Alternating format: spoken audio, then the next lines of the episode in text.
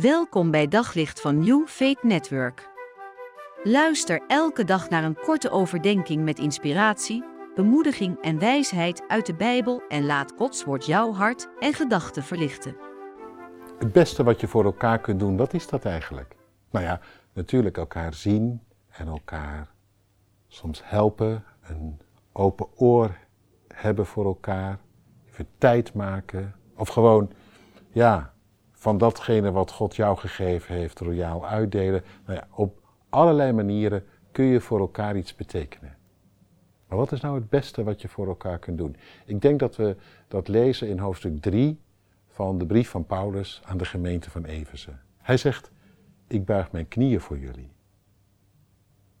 En hij deed dat terwijl hij gevangen zat. Het is iets wat je doet in het verborgene. Je kunt er geen eer mee inleggen. Je kunt er niet, nou ja, de goede meneer of de goede mevrouw mee worden.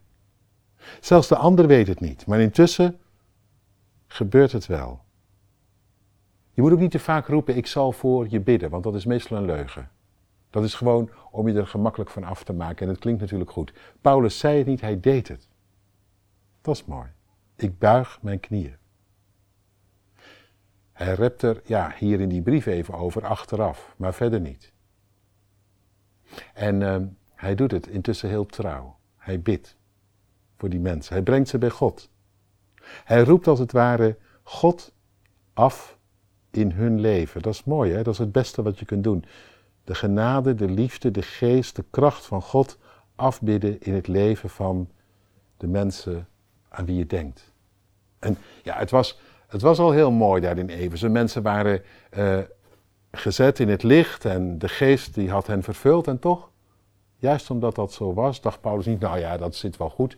Nee, die wist, er zijn zoveel andere stemmen, geluiden, krachten. En die mensen hebben hun hart ook lang niet altijd mee. Laat ik voor ze door bidden. En hij zegt dat ik bid dat de geest doorgaat en jullie innerlijk sterkt.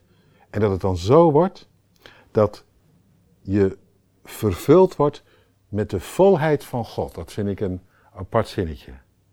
Mensen zeggen soms, ja, ik ben geen God en ik ben geen Jezus. Paulus zegt, ik bid dat je zo vervuld wordt met God dat Hij jouw denken, doen en laten vult. En dat het inderdaad wel wordt. Als bij God en als bij Jezus.